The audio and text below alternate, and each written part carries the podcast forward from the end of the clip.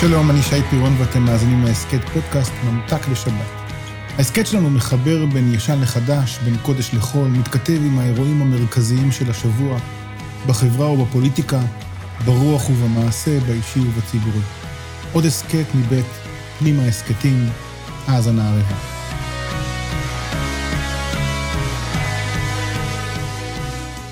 פרשת השבוע, פרשת אמור, פותחת בפסוק המעורר שאלות לשוניות פשוטות. ויאמר אדוני אל משה, אמור אל הכהנים בני אהרון, ואמרת עליהם לנפש לא יטמע בעמיו.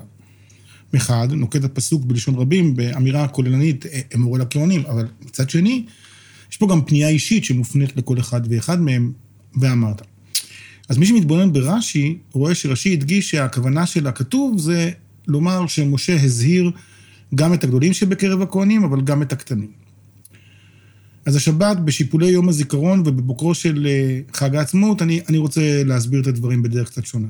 שבת שעברה התארחתי בקרב קהילת עמותת משפחה אחת. היו שם בערך 90 משפחות שכולות שהתכנסו כדי לחזק ולהתחזק לקראת השבוע המורכב שהם צפויים לו. סחה לי מרים פרץ, תדע לך שי אמרה, משפחות רבות לא מצליחות להתמודד עם הצמידות שבין יום הזיכרון לבין יום העצמאות. הדברים שלה ליוו אותי במהלך השבוע, כי בכל השבוע שמעתי ברדיו את הדיון אודות המקום של הזיקוקים וההשפעה שלהם על הלומי הקרב, אבל בעצם הדיון הזה הזניח דיון חשוב לא פחות, וזה התחושות המעורבות של חלק מבני המשפחות השכולות. אז כל זה הוביל אותי למדרש חכמים ידוע שאני רוצה לקרוא אותו לפניכם. כך נאמר. למשל לאב ובן שהיו מהלכים בדרך, ונתייגע הבן ואמר לאב, אבא, היכן היא המדינה? אמר לו, בני, סימן זה יהיה בידך. אם ראית בית קברות לפניך, הרי המדינה קרובה לך. אז אני חושב שמקומו של יום הזיכרון לפני יום העצמאות הוא משול לבית הקברות שלפני המדינה. אולי רק ככה אפשר להבין בדרך שונה מעט את המילים שאנחנו אומרים דבר יום ביומו, במותם ציוו לנו את החיים.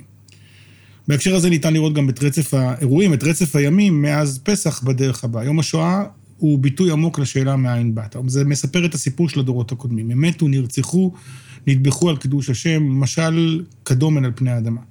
מושפלים, סחופים, תלויים בחסדי שונאי יהודים.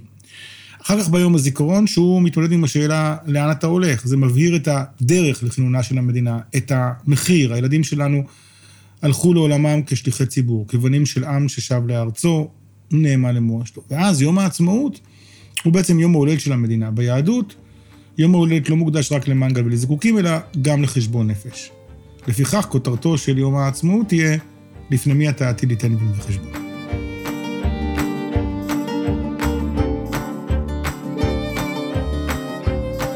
הימים האלה גם מעוררים אצלי שני סנטימנטים שונים. סנטימנט אחד של חמלה וסנטימנט שני של גבורה והשראה. האחד מעורר לרחמים, לבכי וני, והמון המון סיפורים אישיים ופנים ושמות. השני גורם לעמידה זקופה והבנת המחיר, לראיית הנולד ולמבט לעתיד. בשנים הראשונות של המדינה לא אפשרנו חמלה. לא רצינו להתמודד כחברה עם כאב, עם התוגה עמוקה. היינו צריכים להתגייס לצורך המורל הלאומי לשיח של גבורה והשראה. ברוך השם, אנחנו מספיק חזקים.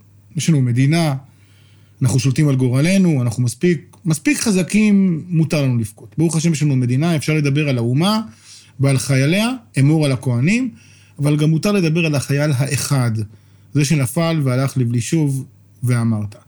יש לנו ערכים גדולים, אבל בשולי הדרך, במרכאות כפולות, אנשים קטנים, אלה שהגנו עלינו בעוז רוחם. להזהיר גדולים וקטנים. ביום הזה צריך לשמר את הערכים הגדולים, אבל לזכור, לדמוע ולהתחבר אל האנשים. פנים ושמות של חיילים ונרצחים. פעם אחר פעם אני שומע את מרים פרץ מדברת על המדינה, על הערבות, על האחריות. אמור על הכוהנים, דברים גדולים, אבל תמיד אוריאל ואלירז על נוכחים.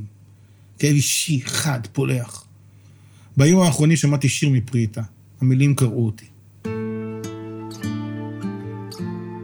החיים חזקים מהכל, כך אומרים.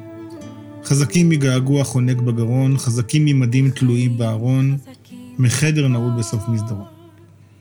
החיים חזקים מהכל, הם קוראים, חזקים מלילות חשוכים בלי שינה, חזקים משעות ארוכות מול תמונה, דלת סגורה ואם ממתינה. אבל מה עם החוסר הזה? אין לו סוף. לפעמים מרגישה כמו ים ללא חוף. ממעמקים שומעת קול, ממעמקים החיים חזקים מהכל.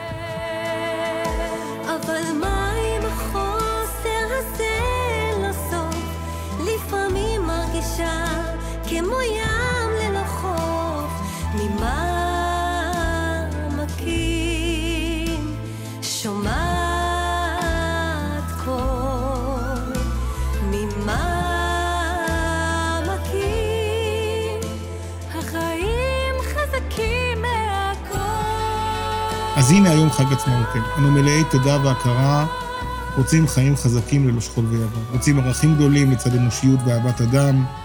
אנחנו רוצים חיים.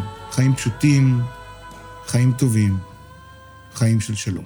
תם ולא נשלם, לך תעמוד פרק בעולם, אני אמצא לי אור קטן, אני אמצא תקווה קטנה.